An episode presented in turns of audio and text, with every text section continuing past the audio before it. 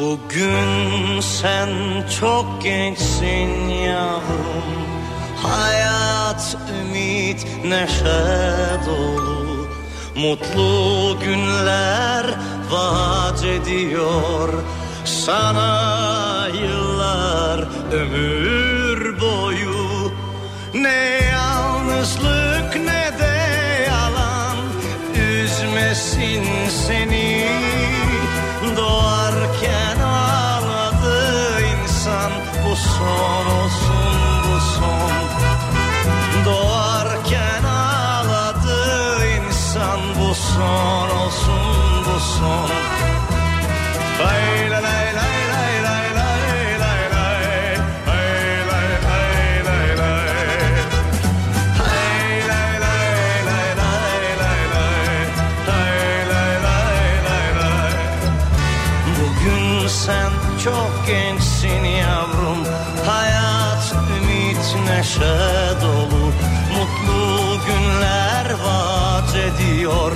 Sana yıllar ömür boyu.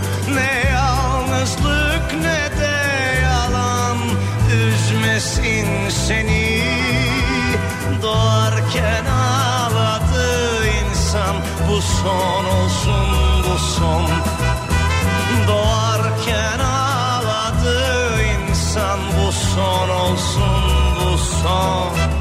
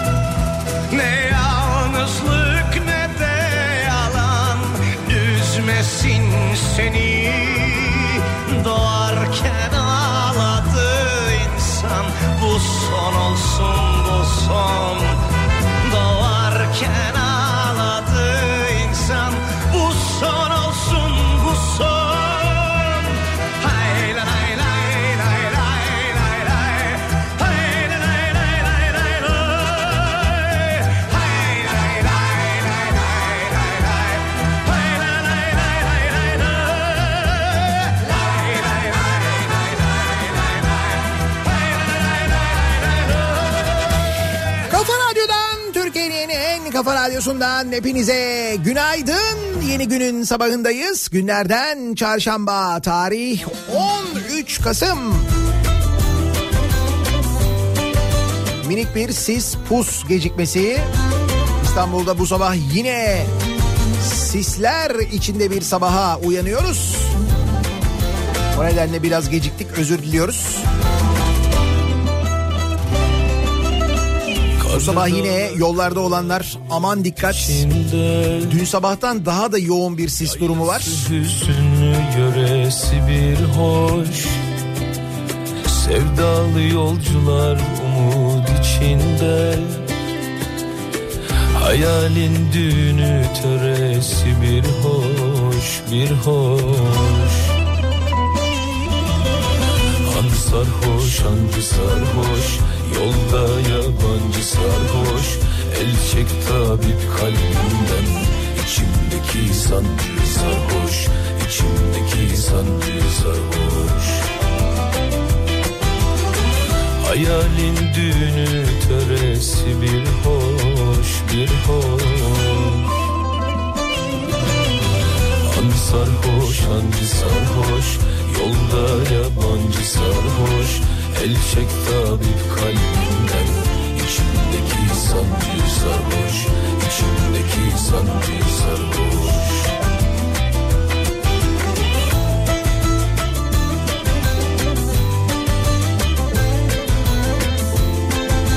Hakikaten bu kadar sis, bu kadar pus, böyle bir karanlık. Baya enteresan bir yayın oluyor benim için. Evet yani karanlıkta yayın yapmaya alışığım da geçen senelerden. Bahar gelmiş Bir de böyle dumanlı sisli misli falan olunca bir enteresan şey programı gibi oldu yani. Hani gece programı bir yandan böyle bir astroloji konuşalım gibi geldi bana.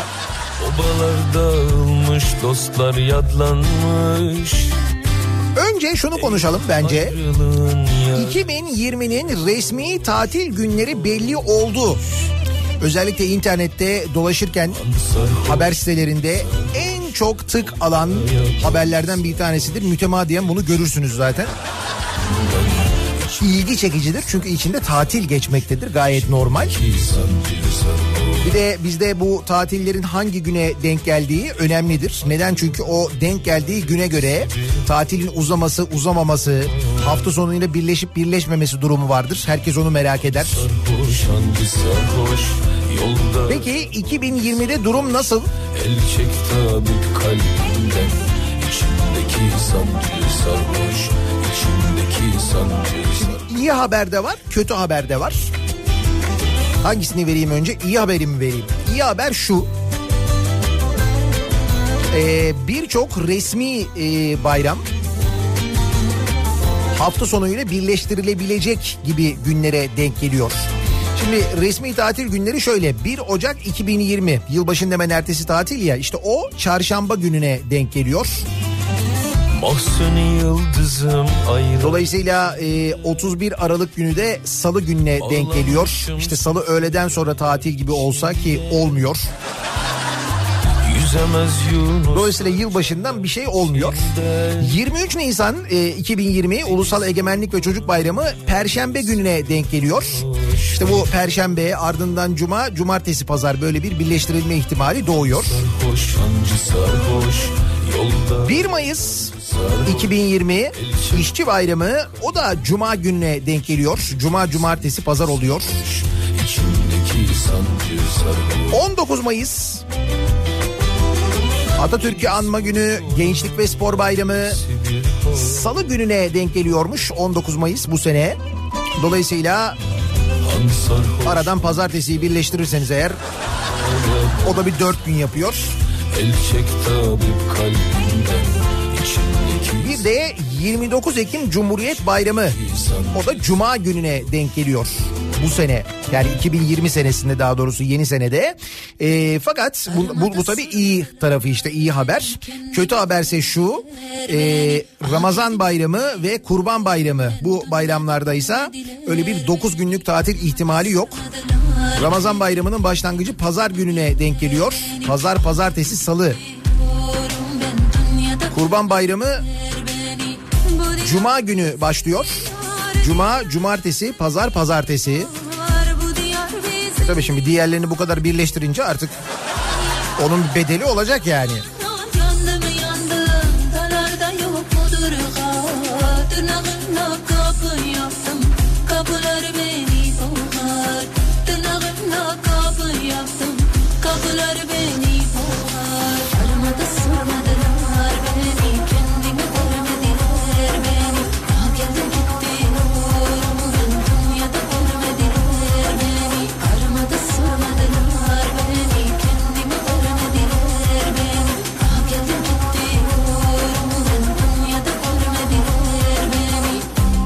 Tatil konusu hemen ilgi çekti değil mi? Nasıl konuşuyorsunuz kendi aranızda? İşte internette de böyle oluyor. Tatil günleri belli oldu haberi görünce ister istemez el o tarafa doğru gidiyor hemen. Hemen.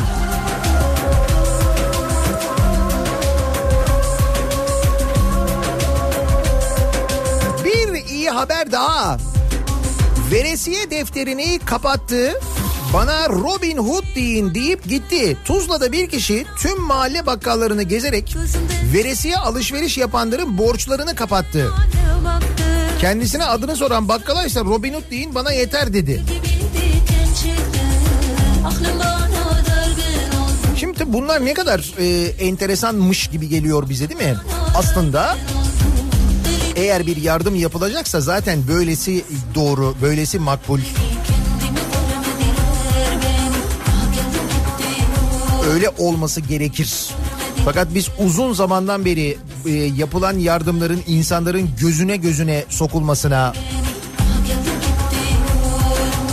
böyle büyük kalabalıklar önünde göstere göstere yapılmasına alışık e, vaziyete geldik ki şimdi böyle davranışlar gördüğümüz zaman çok şaşırıyoruz. Tabii ki takdirle karşılıyoruz bir taraftan ayrı ama zaten olması gereken bu.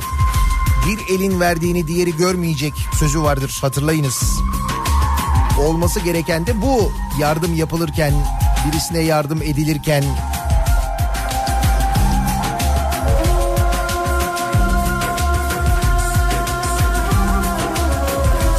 Bir de üstelik komşusunun durumundan bile haberi olmayan insanların yaşadığı bir memlekette yani komşularının ne kadar zorda olduğunu bilmeyen işte e, intihar ettikten sonra komşuları bunu öğrenen insanların olduğu bir ülkede ki maalesef öyle bir ülke haline geldik. Kimse kimsenin sorunuyla derdiyle maalesef ilgilenmiyor. Böyle bir ülke haline geldiğimiz için bunları gördüğümüz vakit böyle haberler duyduğumuz vakit mutlu oluyoruz.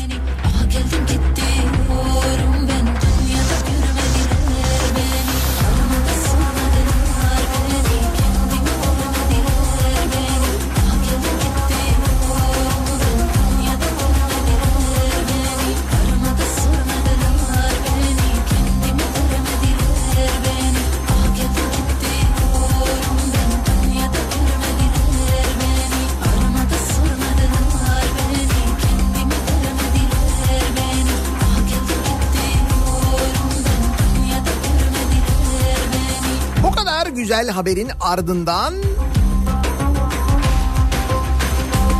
ki bak e, tatil günleriyle ilgili bilgileri alanlar hemen program yapmışlar. Abi o tatil listesinin linkini bir atar mısın ya? Canım bugün her yerde onun haberi var görürsünüz. Zor bir şey değil. Cep telefonlarındaki takvimlerde bile yazıyor zaten ayrıca. Ne yapacaksınız ona göre uçak bileti falan mı alacaksınız acaba? Şimdi 2020'deki tatil için seyahat planı yapmadan önce acaba bu sabah iş yerimize okula ulaşabiliyor muyuz? Hemen dönelim sabah trafiğinin son durumuna şöyle bir bakalım. Hyundai Tucson Enline yol durumunu sunar.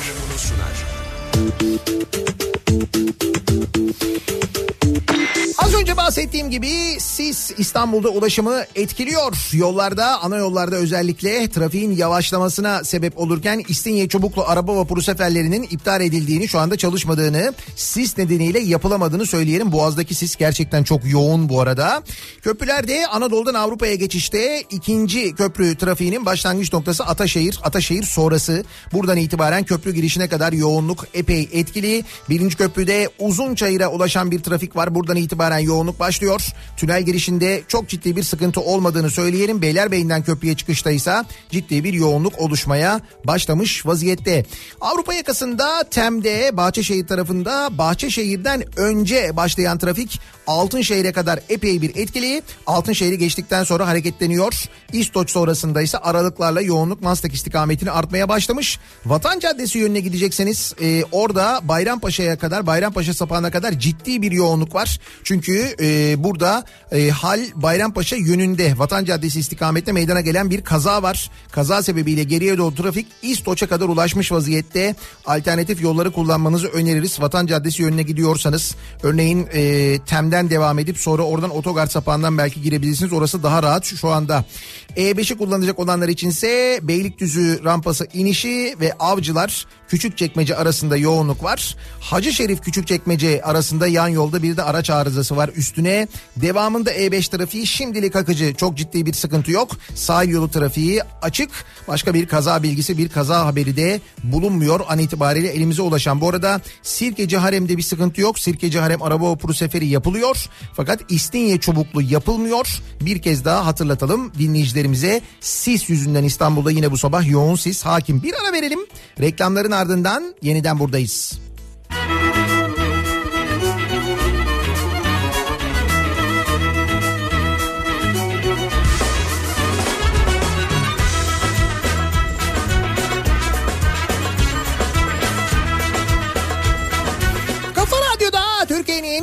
kafa radyosunda devam ediyor. Daiki'nin sunduğu Nihat'la muhabbet. Ben Nihat Sırdar'la. Kızım ay canım Ak çuvalda bulgur var Al da gel al da gel Ak çuvalda bulgur var Al da gel 13 Kasım çarşamba gününün sabahındayız. Sisli, puslu bir sabahtayız. Bahçeye Boğaz'da gemi trafiğinin durdurulacağı kadar İstinye Çubuklu araba vapuru seferleri yapılamayacak kadar sisli bir sabahtan bahsediyoruz. Da lokum var Al da gel al da gel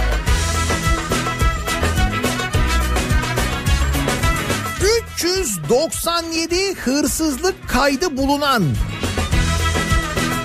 bilmiyorum bir rekor mudur? Daha fazlası var mıdır ama rekor kısmı ayrı yani 397 sayısı ayrı. Haberin devamı şöyle. 397 hırsızlık kaydı bulunan çocuk. Daha bu çocuk bak düşün. 397 diyor. Maltepe'de hırsızlık yaparken yakalandı. Maltepe'de farklı tarihlerde kapkaç, yan kesicilik ve benzeri hırsızlıklar yaptığı tespit edilen şahıs polis tarafından yakalandı. Şahsın 397 suç kaydının olduğu tespit edildi. Hepsi Maltepe'de mi yoksa? Öyleyse o artık maskot çünkü yani ona hırsız hırsız demek pek mümkün değil. Aa yan kesici o değil ya o bizim çocuk ya. O 400 oldu o 400 geçti o.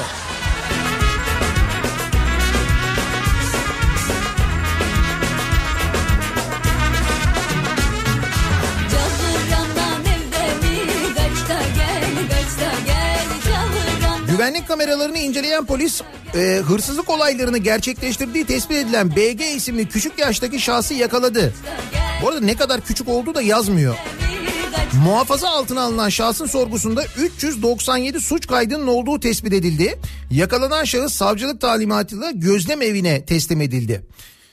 Gözlem evine derken? Kandilli. Sen bundan sonra burada artık yıldızları...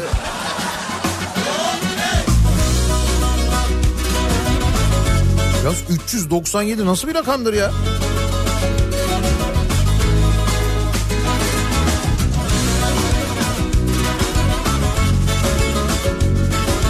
Dolandırıcıların yöntemleri bitmiyor.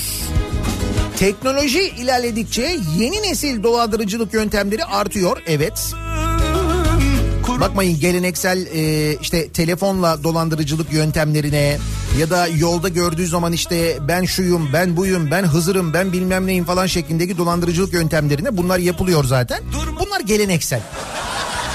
O yüzden Türkiye var olduğu müddetçe hala da devam eder. Bizim bu eğitim sistemimizde böyle olduğu müddetçe. Fakat bir de teknolojiyi kullanarak yapılan dolandırıcılıklar var ki e, site kopyalama diye bir yöntem var. Siz doğru siteye girdiğinizi düşünüyorsunuz. Fakat öyle değil işte. Şirketlerin internet sitelerini kopyalayarak vatandaşı dolandıran çeteler var. Son olarak kopyalanan site araç muayene istasyonu TUV Türk'ün sitesi olmuş.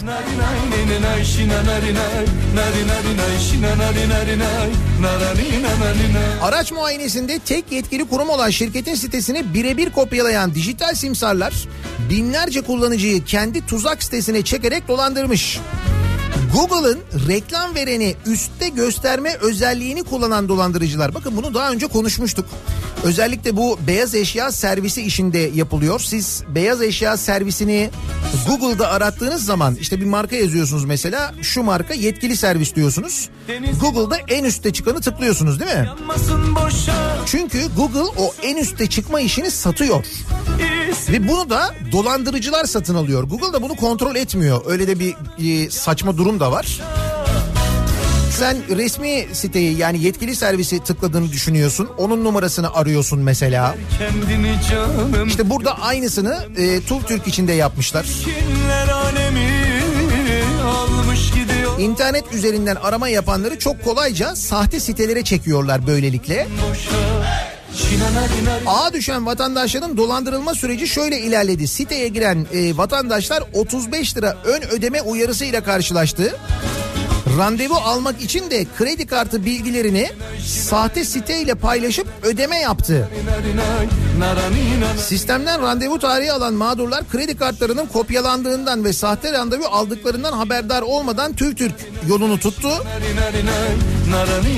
Muayene istasyonuna gidip işlemlerini başlatmak isteyenlerin birçoğu randevularının bulunmadığını öğrenince önce sistemsel bir hata olduğunu düşündü. Ancak yetkililerin verdiği bizde para vererek randevu alma sistemi yok bilgisi üzerine kısa sürede dolandırıldıklarını anladı. Binlerce mağdur varmış bu konuyla ilgili dolandırılan.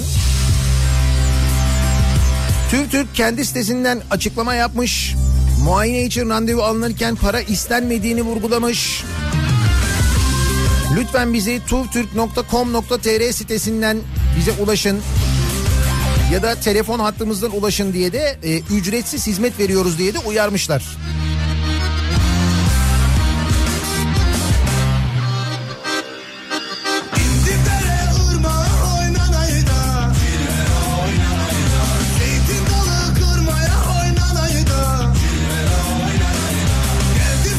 Sen şöyle diyebilirsin tabii. e, canım aman ben dikkatliyim o konularda dolandırılmam ben diyorsun ya. Mesleki olarak da böyle özel e, dolandırıcılık yapıyorlar. Baklavacılara sosyal medyada dolandırıcılık şoku bak.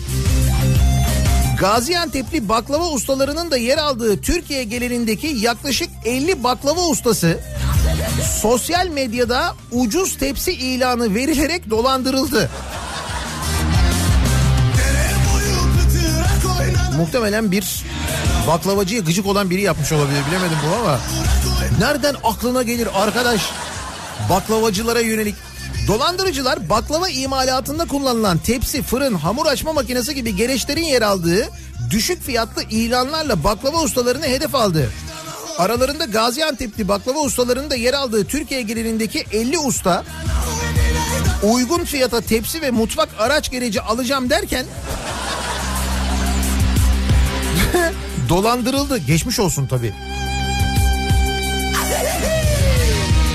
Ama işte bir yerde o işin böyle çok ucuzu varsa eğer hani olması gerekenden daha da ucuz. Nasıl bu kadar ucuz oluyor hayret falan dediğim bir şey varsa orada bir bit yeni oluyor işte. Her seferinde aynı şey değil mi? Baklava tepsisi bile eğer şimdi baklava tepsisi ben atıyorum fiyatını bilmiyorum çünkü 50 liraysa bir adam da onu mesela 20 liraya satıyorsa lan vardır bunda bir şey yani. Sen bundan şüpheleneceğin yerde o diye gidip eğer bunu atlarsan Ya da mesela işte bankalar senin parana diyelim ki faiz veriyor değil mi? Bankaya götürüyorsun paranı yatırıyorsun işte ayda şu kadar faiz veriyor. Adamın biri geliyor diyor ki o banka ne veriyorsun diyor. Ben diyor iki mislini veriyorum diyor ya.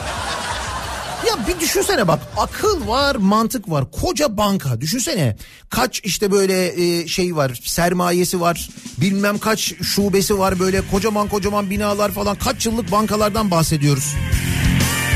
70 yıllık, 80 yıllık, 90 yıllık bankalardan bahsediyoruz. Bu banka sana şimdi atıyorum ben rakamı diyelim ki 13 faiz veriyor. Adamın bir tanesi geliyor. O e, diyor ki ben diyor 26 veririm diyor. Lan o kim? Yani bu bu kadar büyük banka bunu verebilirken bu nasıl verebiliyor falan diye hiç sormuyor musunuz mesela? Mesela bu Safiye'ye sormadınız bu Bitcoin Safiye'ye.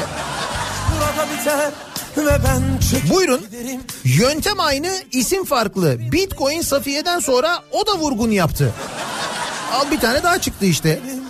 Ve ben çekip giderim bir Bitcoin Safiye olarak tanınan Safiye Gökçe Yüce'nin Aydın'da tutuklanmasının ardından Marmaris'te de bilgisayar dükkanı sahibi KÖ'nün de benzer yöntemle milyonluk vurgun yaptığı ortaya çıktı. günler sevgilim ve ben çekip giderim. Topladığı paralarla ortadan kaybolan bilgisayarcı her yerde aranıyor. Bak bu da mesela bilgisayarcıya inanmış. Uyuyan Bir tanesi Bitcoin Safiye'ye inanmış.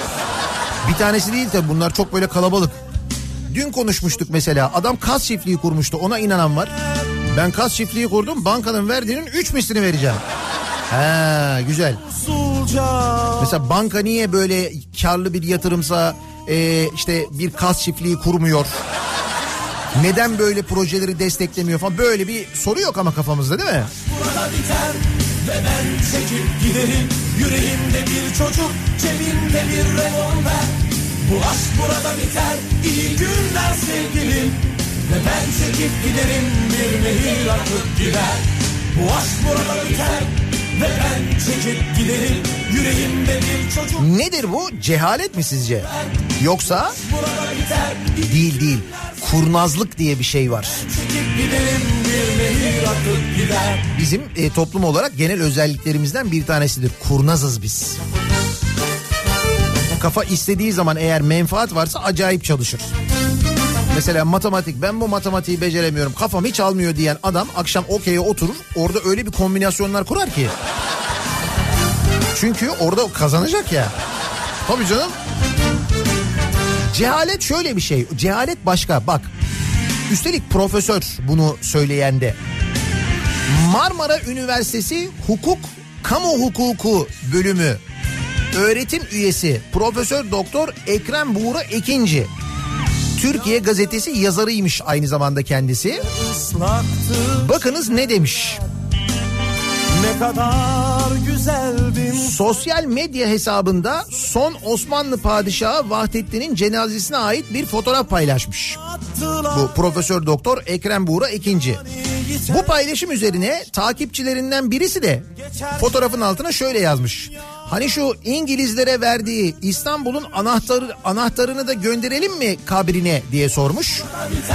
Hani vardır ya bir meşhur görüntü Vahdettin işte işgal güçlerinin komutanına İstanbul'un anahtarını takdim eder. Sonra çeker gider. Hatırladınız değil mi o görüntüyü? Bunun üzerine Türkiye Gazetesi yazarı Profesör Doktor Ekinci şöyle yanıt verir takipçisine. İstanbul'u alan dedesiydi istediğine verir keyfinin kayası mısınız şeklinde olmuş yanıt. Bak profesör Marmara Üniversitesi Hukuk Fakültesi Kamu Hukuku Bölümü öğretim üyesi kendisi. Diyor ki İstanbul'u dedesi aldı diyor istediğine verir keyfinin kayası mısın diyor. Hukuk. Tabii tarih var burada ayrı. evet.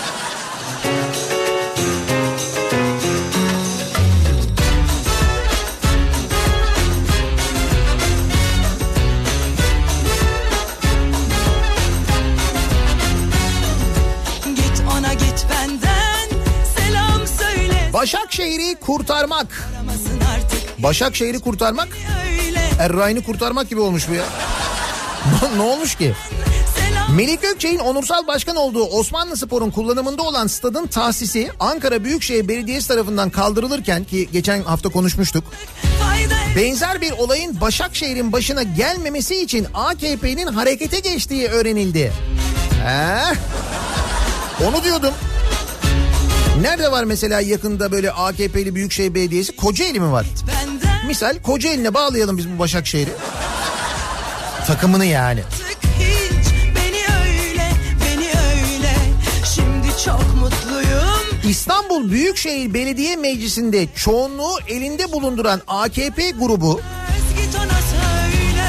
İstanbul Belediyesi'nin mülkiyetindeki Başakşehir Fatih Terim Stadyumu'nun 25 yıllığına Gençlik ve Spor Bakanlığı'na devredilmesi için adım attı. Bak şimdi bu meclisteki çoğunluk bizde diyorlardı ya çoğunluk bizde boş verin yani biz istediğimizi yaparız çoğunluk bizde deniyordu ya. Heh, işte istediğimizi yaparızın bir örneği bu. Bakın ne yapıyorlar? Belediyenin mülkiyetindeki Başakşehir Stadyumunu Gençlik ve Spor Bakanlığı'na devrediyorlar. Niye? Sırf Başakşehir'den alınmasın orası diye. Başakşehir kimin takımı? Başakşehir'in takımı mı? E, Değil. İstanbul Büyükşehir Belediye Meclisi 1. Başkan Vekili Göksel Gümüşdağ'ın başkanlığını yaptığı İstanbul Başakşehir Futbol Kulübü. Ne kadar etik değil mi? Ne güzel.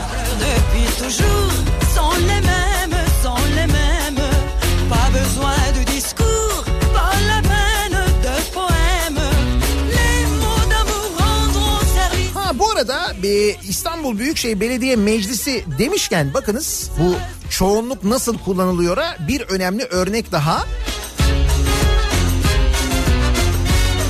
İstanbul'u kaybedince o araziyi park yaptılar. Ne olmuş bakın İstanbul Belediye Meclisi bu hakikaten çok enteresan bir haber. AKP'li üyeler e, belediye meclisine ek gündem teklifi verip belediyenin iştiraki İmar AŞ'ye ait bazı arazilerin yeşil alan ilan edilmesini sağlamış. Meclis usulüne ve imar mevzuatına aykırı yapılan değişiklik tartışma yaratmış. Belediye Başkanı İmamoğlu 312 milyon liraya bir araziyi 10 ay önce proje geliştirip satışa çıkaran yönetim ben burayı yeşil alan yapacağım diye önümüze getiriyor. Milletin 312 milyon lirasını çöpe atıyorsunuz demiş. Şimdi nasıl olmuş? Yine Başakşehir'de bu arada bu arazi. Bak görüyorsun değil mi? Başakşehir. Yine Başakşehir'e çıktık. Kiptaş 100 bin metrekarelik araziyi satın almış ve arazi üzerine konut projesi geliştirmiş. Arazi için Kiptaş'ın kasasından toplamda 324 milyon lira çıkmış. Arazi 2018 Aralık'ta İmar AŞ'ye satılmış. Yani bunlar hepsi eski yönetim döneminde oluyor. Bir önceki yönetim İmamoğlu seçilmeden önce belediyenin şirketi Kiptaş araziyi alıyor. Arazi 2018 Aralık'ta İmar AŞ'ye satılıyor. Bu da belediyenin şirketi Ee, ve 324 milyon lira para harcanıyor. Sonra belediye e, AKP'den CHP'ye geçiyor. AKP'li üyeler İmamoğlu başkan olunca araziyi yeşil alan ilan ediyor. Gelsen diyorum 324 milyon lira. Çıkmazlardan Nasıl güzel değil mi? Sadece Belediye meclisi böyle çalışıyor. Bilelim de. yine çık yoluma Aldın aklımı Bir de şöyle çalışanlar var. Sen ne istersen bir ömür varım Hani bu yerel seçimlerden önce Muğla'dan gelen bir görüntü vardı. Muğla Milas'tan hatırlıyor musunuz? Fark Bu Muğla Milas'ta Barış Saylak e, ismini hatırlar mısınız? Barış Saylak Muğla'nın Milas ilçesinde e, aday gösterilmeyince belediye başkanı adayı gösterilmeyince CHP'den istifa edip AKP'ye geçmişti. Bize ne lazım Ayran içtik ayrı düştük Bir önceki seçimlerde CHP'den Milas Belediye Başkanı adayı olan Saylak 2014'te CHP'nin teklifini nasıl kabul ettiğini açıklarken CHP'li doğduğunu ve öyle de öleceğini açıklamış 2014'te. Sonra CHP'den ayrılıp AKP'den Muğla Milas Belediye Başkan adayı olmuş. Bu e, aday olduktan sonra e, Cumhurbaşkanı Erdoğan'la bir telefon görüşmesi yapmış. Bu telefon görüşmesinde baş tacısınız reisim elinizi öpmeye gelmek istiyorum demişti. Ve bu görüntüler paylaşılmıştı sosyal medyada hatırladınız değil mi o arkadaşı? Ha?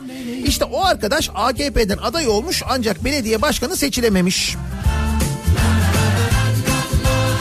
Peki ne olmuş kendisi? Kendisi geçtiğimiz gün yayınlanan bir atama kararıyla Muğla İl Tarım ve Orman Müdürü olmuş. Nasıl? Demek ki öpmüş. Bir ben yaşıyorum Nasıl oluyor? Sensizlik Nasıl oluyor? Bakın özellikle e, duydum KPSS'yi e, girenler, bunun için çalışanlar. Hani acaba kazanır mıyım? Bir devlet memuru olabilir miyim? Bir devlet e, kurumunda çalışabilir miyim diye düşünenler için şöyle bir haber var. Sen ne istersen Sınavsız atama piyangosu. Bu demek ki bir piyango zaman zaman vuruyor. ders mi lazım Söyle sevdiğim bize ne lazım Ayrı 13 yıl önce memuriyetten istifa edip özel çalışan ve AKP Kütahya Merkez İlçe Başkanlığı yaparak siyasete atılan Mehmet Eşsiz'e müdür piyangosu vurmuş.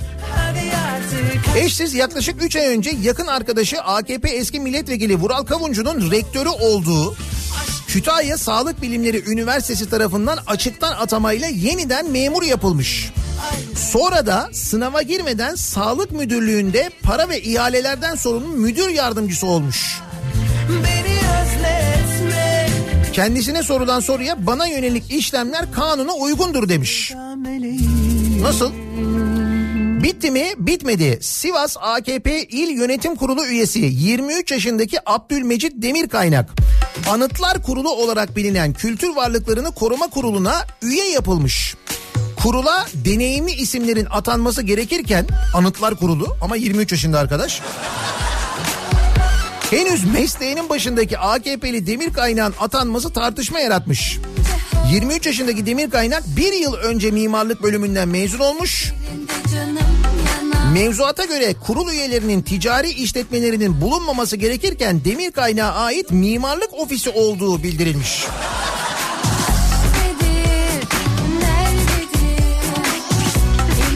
Bitti mi? Bitmedi.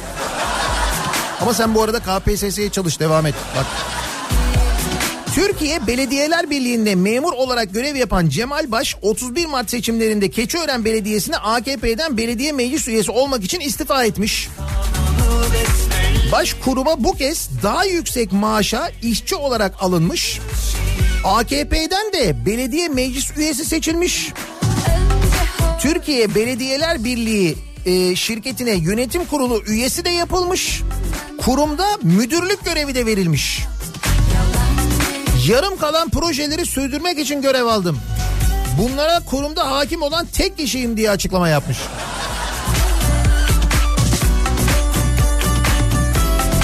Bence çok güzel sistem. Gerçekten.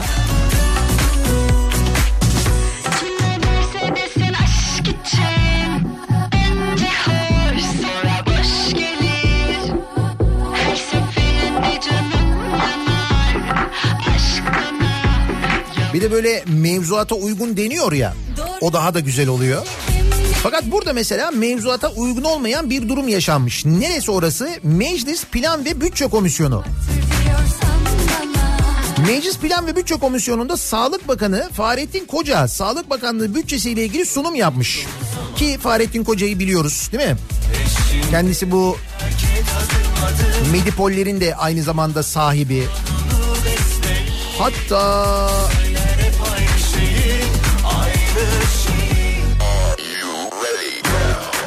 Şöyle bir haber de var mesela e, kendisinin hab- haberine geçmeden önce Sağlık Bakanı'nın.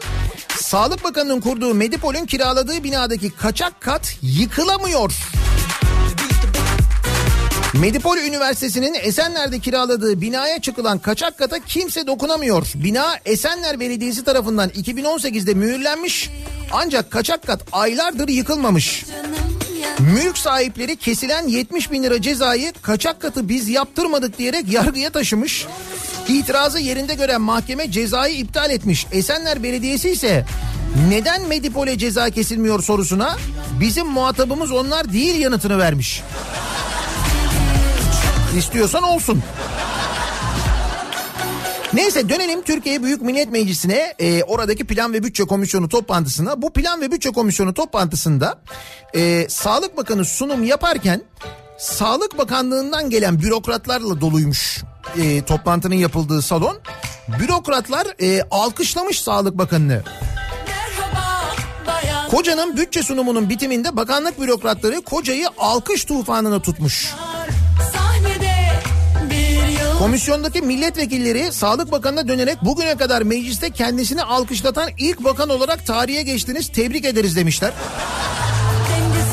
Yani memur kendi bakanını alkışlıyor.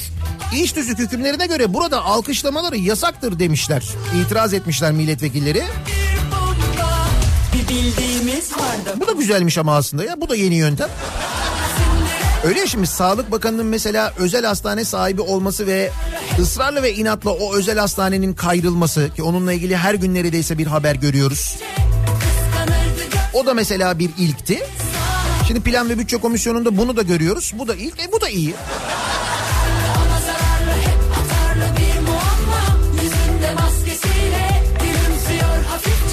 Dur biz de alkışlayalım ya. Madem öyle. Madem e, Meclis Plan ve Bütçe Komisyonu'nda e, Sağlık Bakanı sunum yaptıktan sonra bürokratları alkışlamışlar.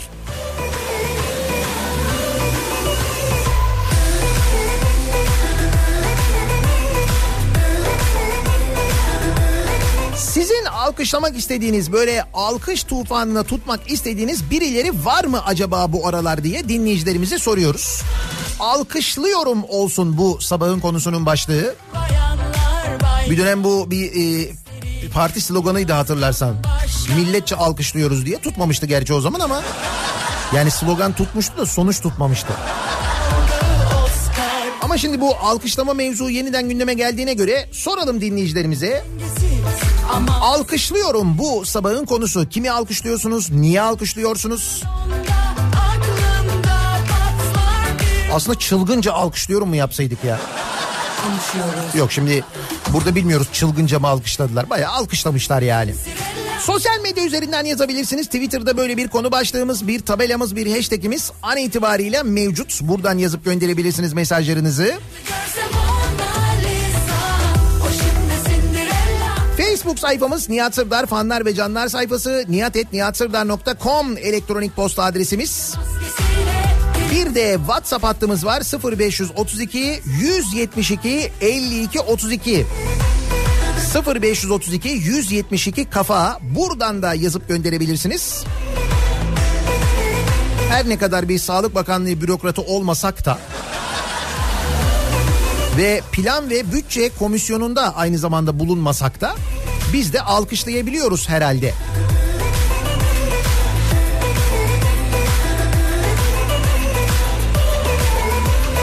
Bir ara verelim. Reklamların ardından yeniden buradayız.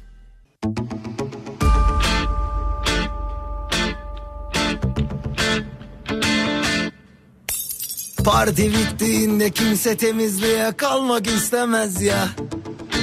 O minvalde bir telaş.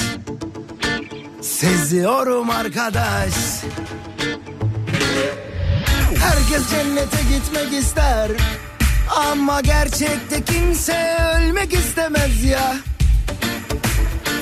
Haydi sen de durmanlaş. Oh,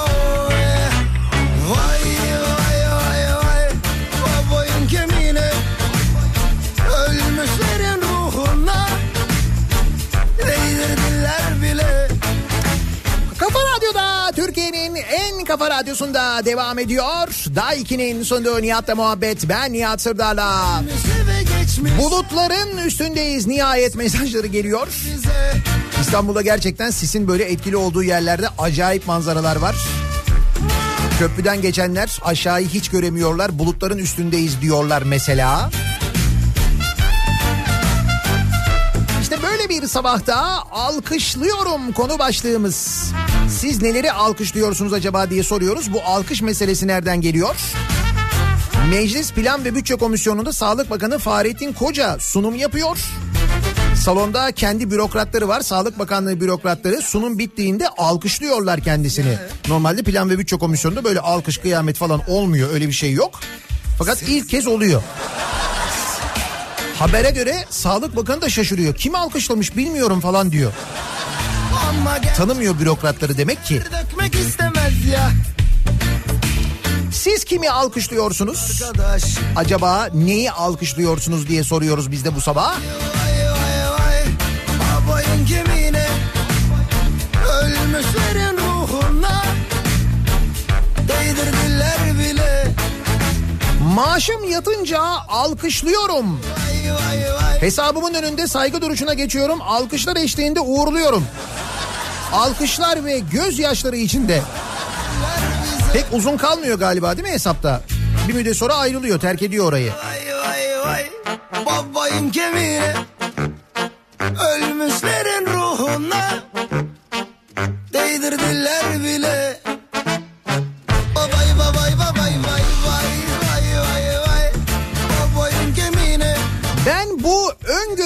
alkışlıyorum. Ankara'da deniz mi var da jet ski alınmış? Bunlara alışın artık. Hayırdır yeni bir öngörü mü var? Golf sahası bulunmayan AKP'li belediye 270 bin liraya golf arabası almış. 270 bin liraya mı?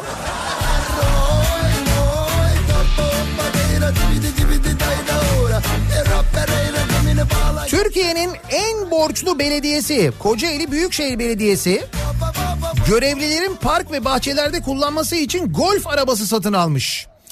6 milyar 39 milyon lirayla Türkiye'nin en borçlu belediyesi olan Kocaeli Büyükşehir Belediyesi golf sahası olmamasına rağmen 270 bin lira harcayıp golf arabası satın almış.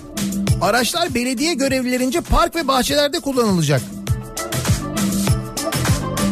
Demek ki önce arabasını almışlar sonra golf sahası da yapacaklar herhalde. Bundan sonra Kocaeli'nin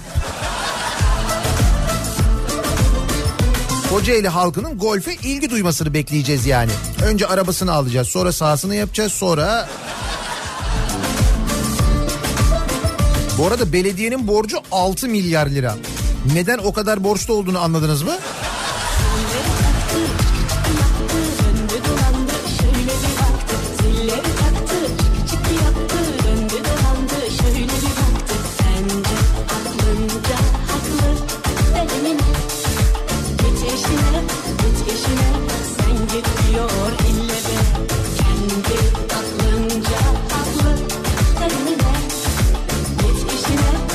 Sene Sen git diyor illere Ne yapsın işte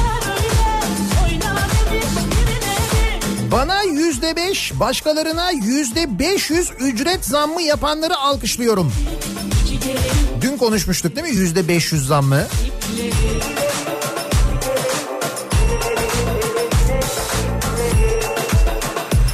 Ben bu medeniyet anlayışını alkışlıyorum. Hangi medeniyet anlayışı? Ha bak bu dün konuşmuştuk ya kamu spotu ile alakalı. Hani bu Diyanet'in hazırlattığı kamu spotu vardı. Ne kadar harcamışlardı? 350 bin lira mı harcamışlardı? Hani kadın böyle eşine çay getiriyor. Ondan sonra kek getiriyor. O böyle telefonla ilgileniyor falan. Bununla ilgili Diyanet İşleri Başkanı açıklama yapmış. Demiş ki kadın kocasına bir çay getirmiş bir kek getirmiş. Buna tahammül edemiyorlar. Bizim medeniyetimizde kadın görevini yapacak. Erkek görevini yapacak demiş. Öyle mi? Göreviymiş yani bu kadının. Bir de bunu söylüyor. Kadının görevi çay yapacak, çay getirecek, kek yapacak, kek getirecek. İşte diyor ki dinleyicimiz de ben bu medeniyet anlayışını alkışlıyorum. Ben olsam sadece kekten bahsetmez. Kadının görevlerini, yükümlülüklerini, evden hangi saatte, hangi durumda çıkabileceğini de anlatırdım. Belki bir sonraki kamu spotunda o da vardır. Erkek mesela kapıda bekliyor.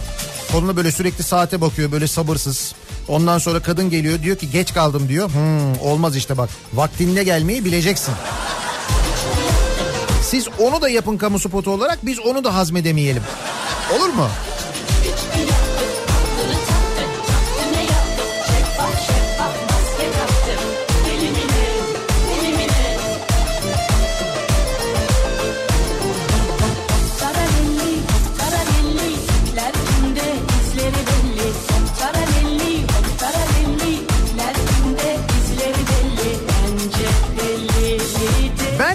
Kendimi coşkuyla alkışlıyorum diyor Ömer. Öyle kolay mı? Ben savcıyım, malı mülkü sat diyeninden jet fadılına, tosuncuktan bitcoin safiyesine, mayın tarlası oyunu gibi bir gün mayına geleceğiz ya hayırlısı ama her gün seke seke gidiyorum iş yerine diyor. Doğru bunlardan hiçbirine takılmamanız da bence başarı yani. O yüzden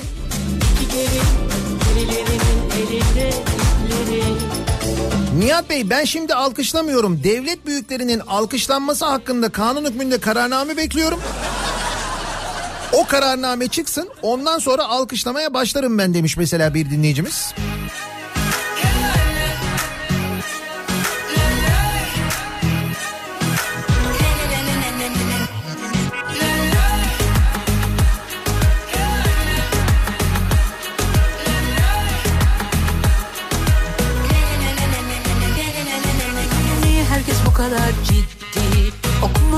Kitaplar ama ciddi Asık asık yüzü insanlar Da yüreğine kadar kilitli Haluk Levent'i en kalbi duygularımla alkışlıyorum. Kurduğu gönüllü organizasyonuyla insanların yarasına merhem oluyor.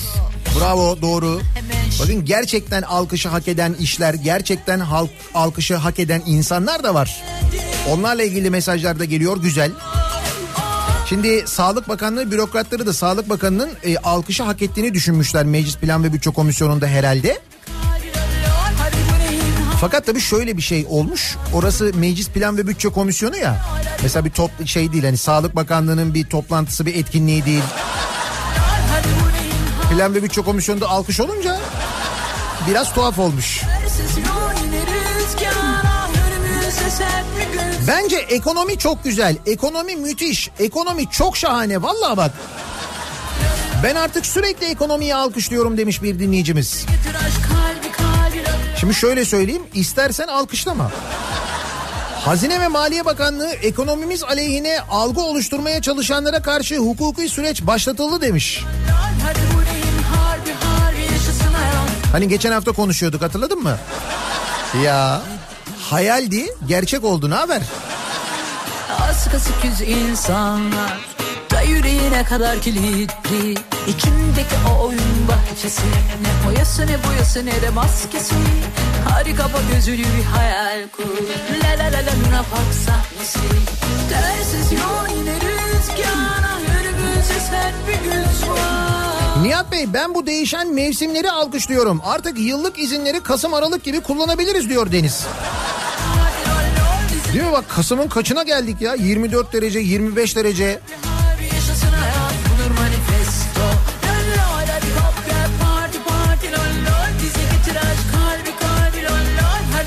Ben kendimi alkışlıyorum. Her şeye bu kadar zam gelmişken, aldığımız maaş yerinde sayıyorken ben hala nasıl evi geçindirebiliyorum?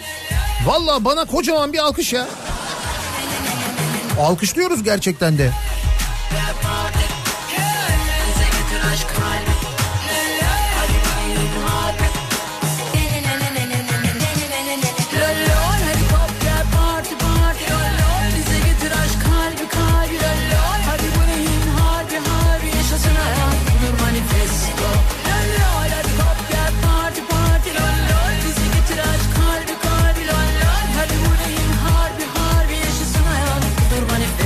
Diyor ki ben İstanbul'da yaşıyorum kendimi alkışlıyorum. 20 yıl yıllık izinler raporlar haricinde her sabah işe gidiyorum. Bunun yarısından fazlası 25 kilometre 25 kilometreden fazla mesafede oldu. Oğlum soranlara annem gece gidip gece geliyor işe diyor. Tabii bir de şimdi mevsimsel öyle bir durum var doğru. Sabah çıkacağız işe gideceğiz. Ee, karanlık olacak hatta yakın zamanda işe gittiğimizde de karanlık olacak. Ee, hava işteyken aydınlanmaya başlayacak. Akşam yine karanlıkta döneceğiz. Bayağı gece çalışacağız aslında. Yine o günlere doğru gidiyoruz.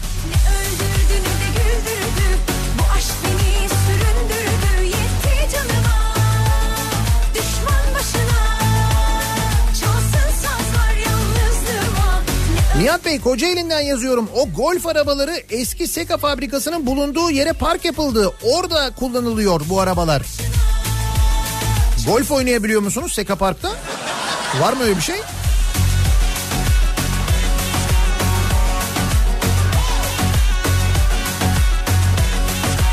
Yandaşa hemen yandaş olmayan medikal firmalara 10 ayda 12 ayda ödeme yapan Sağlık Bakanı'nı ben de alkışlıyorum.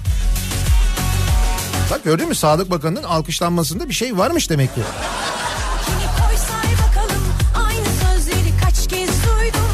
Canım arkadaş kalmayalım Lafta ustasın icraat sıfır Yalancıktan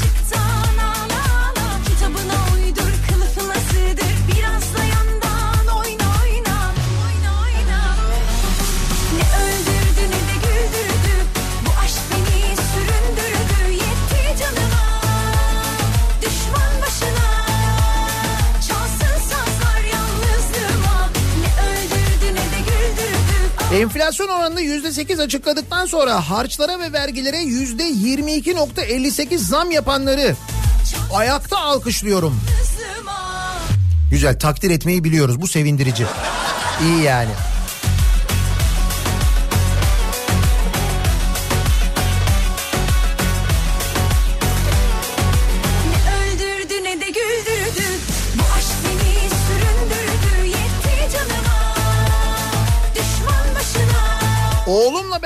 Keki alkışlıyoruz.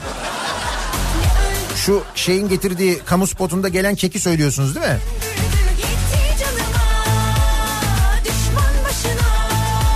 Abi dün akşam verdiğim maçları alkışlıyorum. Hakikaten ya. Yalnız şöyle bir durum var. Ee, şimdi Salih e, Salih ile demin konuşuyorduk onu.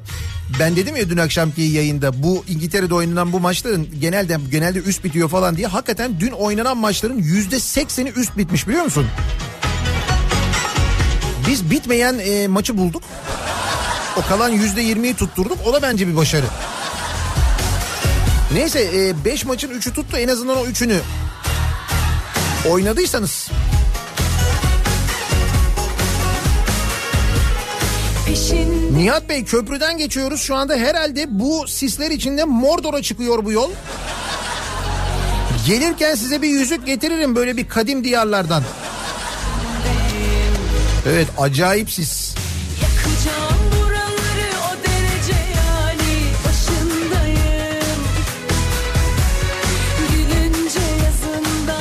Son zamanlarda her sabah bindiğim Kuru Çeşme Kemer dolmuşunda İzmir'de sizin sesinizi duyuyorum. Bunu duyunca Evladı yurt dışında burs kazanmış anne gibi mutlu olup gurur duyuyorum.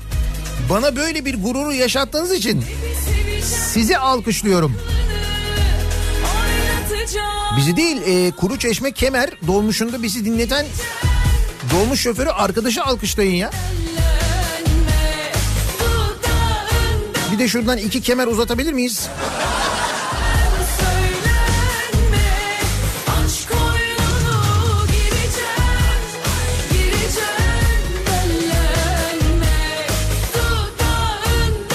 Müdür yardımcısı olduğum anaokulunda okula erken gelen çocuklarımın odama gelip bak anaokulu öğrencileri bunlar. Odama gelip sohbet etmelerini bu esnada okulda çıkan yemekler hakkındaki isteklerini belirtmelerini alkışlıyorum. Bugün de keyifle başladık güne hadi bakalım. Anaokulu öğrencileri. Öğretmenim bu yemekler konusunda bir şey yapmayı düşünüyor musunuz?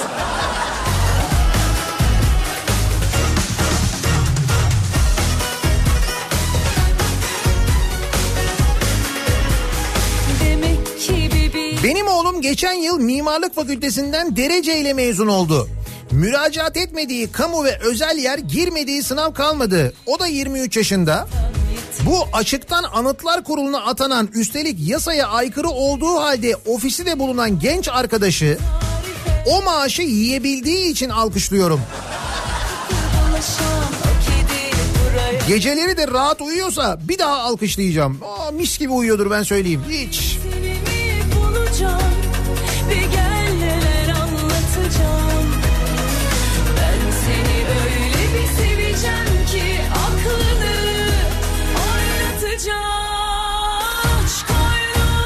İzmir Karabulun'da birinci derece sit alanına yapılan bu inşaatı alkışlıyorum. Hakikaten burası nasıl böyle denizin dibine inşaat nasıl yapılıyor? Bir de birinci derece sit alanı mı burası?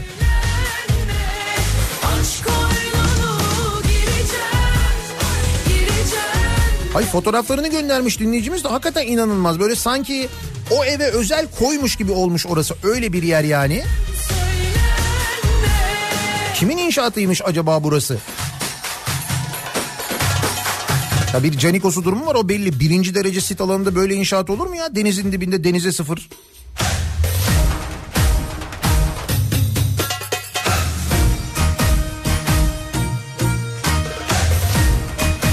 Adalet Bakanlığı'nı alkışlıyorum. Ankara Sığıye'deki Ankara Adliyesi'ni yeni mahallede MIT'in terk ettiği yere taşıyorlar. Herkesin ulaşımını çok zorlaştırıyorlar. Bundan sonra böyle siz Ankara'da yıllarca her şeye böyle kolay kolay ulaştınız. Öyle yok. Önce Ankara'nın içindeki hastaneler kapatılıyor. Eskiden tık diye numuneye giderken şimdi tık diye gidebiliyor musunuz? Gidemiyorsunuz. Şehir hastanelerine gitmek zorundasınız. Bakın adliye de yine şehir merkezinden uzağa taşınıyormuş. Ama merak etmeyin yeni jet skiler alınırsa eğer bundan sonra o yeni yapılan binalara ulaşımı onlarla sağlarsınız diye düşünüyorum ben. Herhalde öyle bir şey olur. O zaman belki daha rahat ulaşırsınız. Değil mi biliyorsunuz jet skiler var Ankara'da. Ama sonu hep bir çöküş Korktum ama tuttum yoksa uçurum bu düşüş Senden geçmedim ben istemedin verdiklerimi sana çıkan umutların Nihat abi 6000 kilometre uzağa Cibuti'ye geldim. Cibuti'den yazıyor dinleyicimiz. Ama yine e, para bizde etkisinden kurtulamıyorum. Cibuti'de yaptırdığımız 12.3 milyon dolarlık Sultan II. Abdülhamit Han Camii'nin önünden her gün geçiyorum ve hüzünle paralarımızı selamlayıp alkışlıyorum. Biz Cibuti'ye e, Sultan II. Abdülhamit Han Camisi mi yaptırmışız 12.3 milyon dolara? Cibuti'ye. Hakikaten para bizde yani.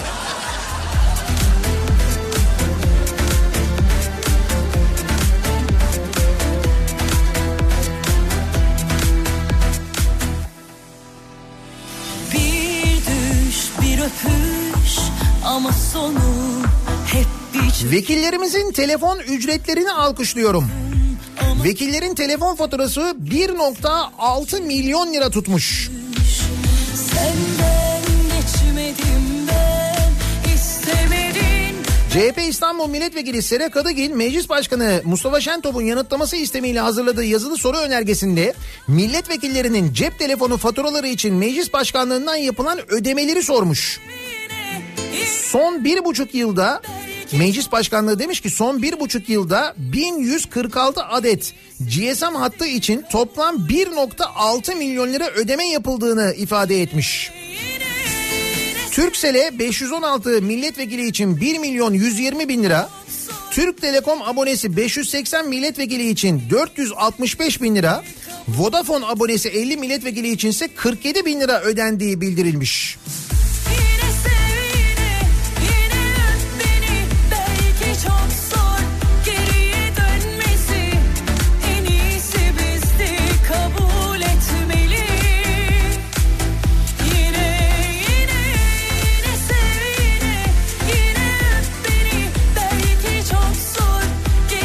Alkışlıyorum bu sabahın konusunun başlığı.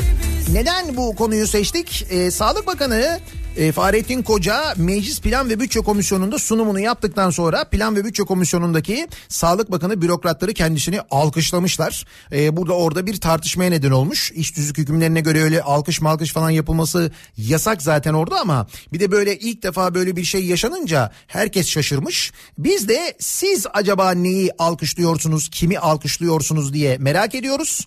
Reklamlardan sonra yeniden buradayız. Kafa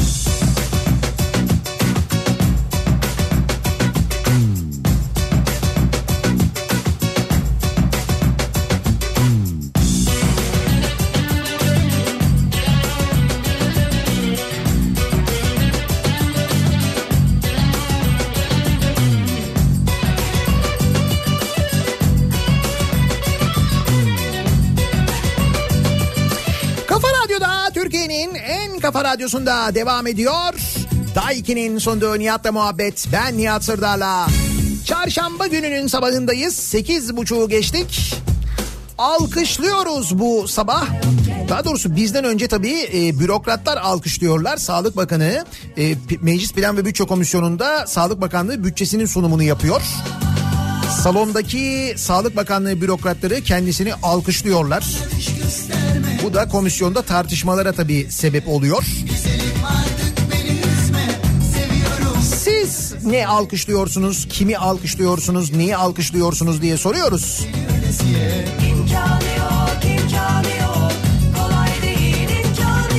Vişneli Tayfır'ı alkışlıyorum. Dönüşü muhteşem olabilir. Meclise yeni lokanta ihalesi 10 milyon lira bütçe ayrılmış meclis lokantası için. 10 milyon lira.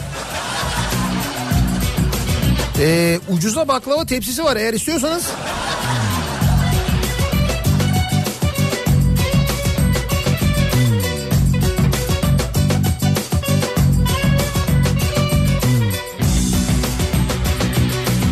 Ben zenginliğimizi alkışlıyorum.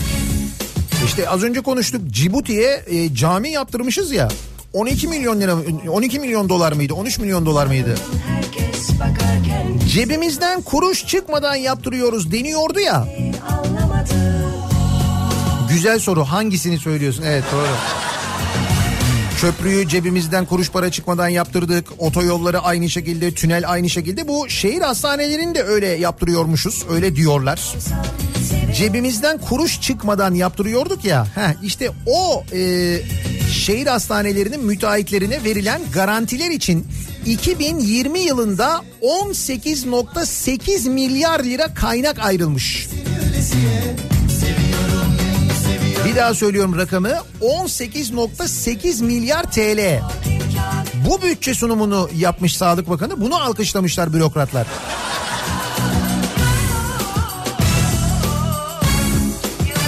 Neyi alkışlayacaklarını biliyorlar yalnız ha. Bravo.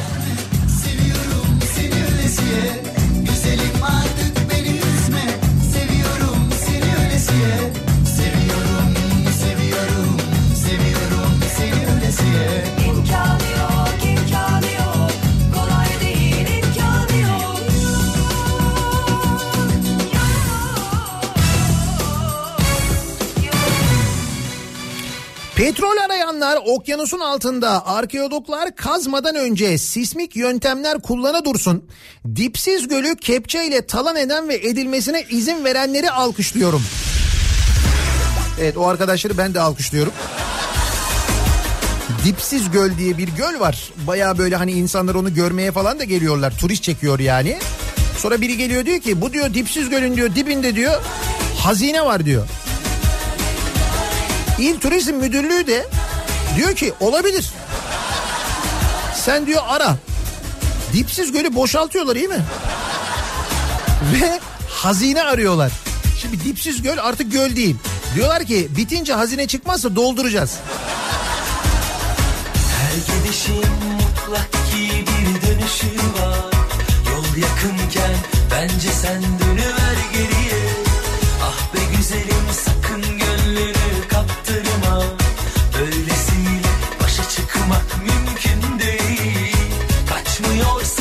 Az önce Kuruçeşme Kemer dolmuşunda bir arkadaş vardı diyor Nilay. Ben de diyor Bucakop gıda çarşısı dolmuşundayım ama biz diyor polis çevirmesi var diye çömüyoruz diyor. Radyoda kapalı kınayarak alkışlıyorum. Sabah sporu eğilip kalkıyorsunuz değil mi? Güzel. her şeyi çok bilmesiyle Sözde masum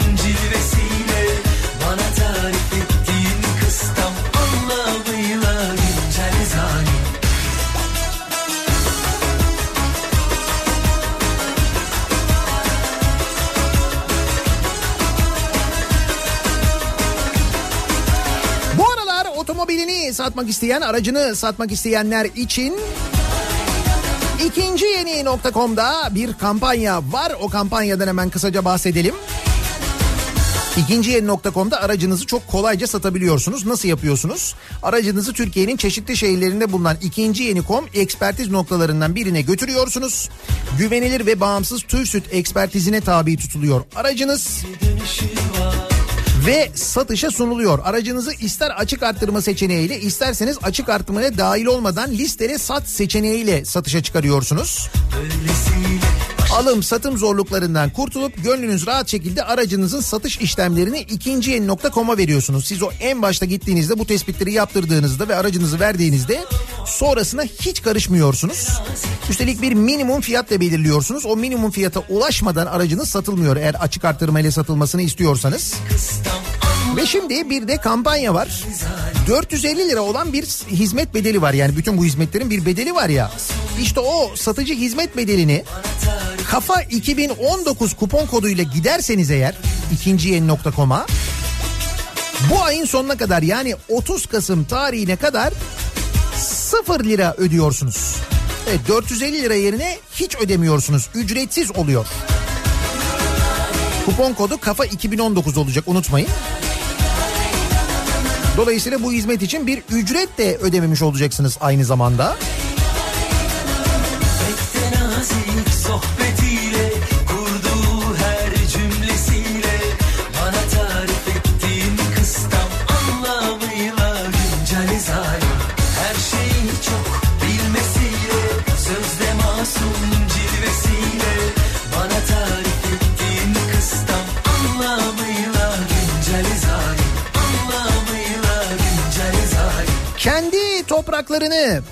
kendi ülkelerinin yöneticilerinden korumaya çalışan vicdanlı insanları alkışlıyorum diyor bir dinleyicimiz.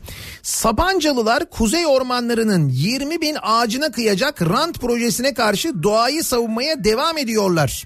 Kırkpınar köyünde Mahmudiye İncebel mevkiine kadar doğayı tahrip edecek teleferik projesine karşı nöbet tutan doğa savunucuları Dün basın açıklaması yapmışlar.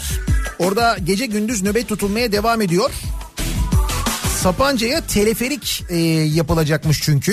Ve bu teleferik için ağaçlar kesilecek. Daha önce konuşmuştuk bu konuyu hatırlarsanız. İşte bununla ilgili Sapancalılar nöbet tutmaya devam ediyorlar.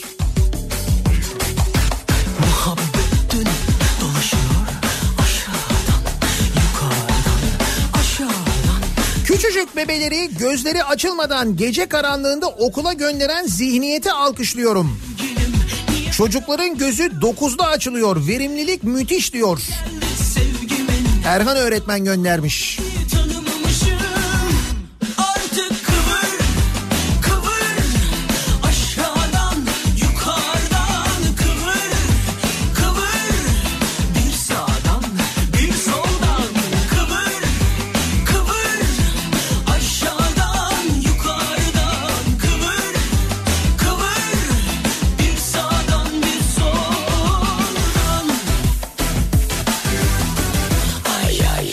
Buyurun gel de alkışlama.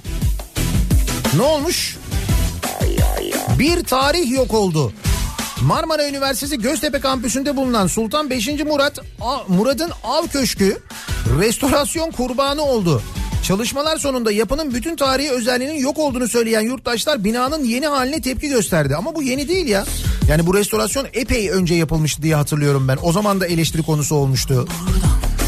Ki biz o günlerden bugünlere restorasyon konusunda epey bir geliştik. Artık pimapen falan takıyoruz. Değil mi bu şeyler PVC pencereler falan takıyoruz. Çelik kapılar takıyoruz mesela.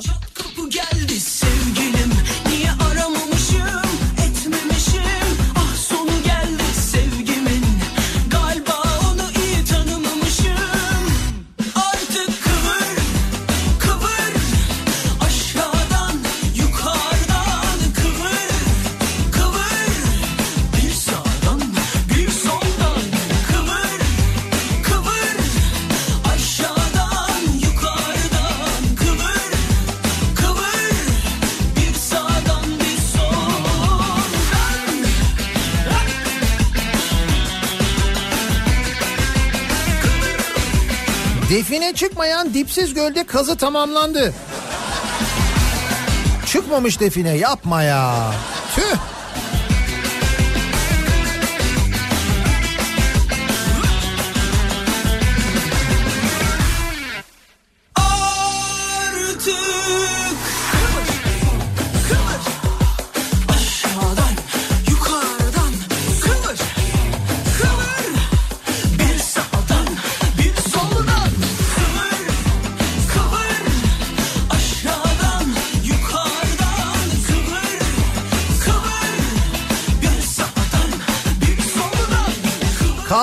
KPSS'siz başvuru yapılan bir kamu kurumunda bütün şartların tutmasına rağmen her şeye tamam deyip iş çıkmaza girince yüzüme karşı direkt olarak küfür edercesine partiden adamın var mı diye açık açık sorabilen kamu kurumunun genel müdürünü ayakta alkışlıyorum demiş bir dinleyicimiz. Baya böyle rahat rahat açık açık soruluyor yani. E ne olacak işte bak ben demin okudum kaç kişi üstelik e, KPSS ile girilen KPSS ile girilen devlet memuru olunabilen yerlere açıktan atanmışlar.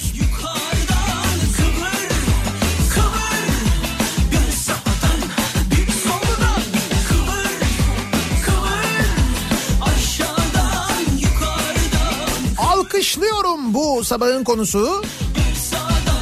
Soruyoruz dinleyicilerimize siz kimi neyi alkışlıyorsunuz acaba diye. Sağlık Bakanı'nı bürokratları Meclis Plan ve Bütçe Komisyonu'nda alkışlamışlar. Bütçe sunumunun ardından artık nasıl bir bütçe ise alkışlanacak bir bütçe ki biz o bütçenin içinde e, önümüzdeki sene şehir hastanelerine garanti ödemeler için ayrılan 18 milyar TL'yi az önce öğrenmiş bulunuyoruz. Sadece bir bölümü bu. İşte bunları alkışlamışlar herhalde. Siz neyi alkışlıyorsunuz diye konuşuyoruz. Reklamlardan sonra yeniden buradayız.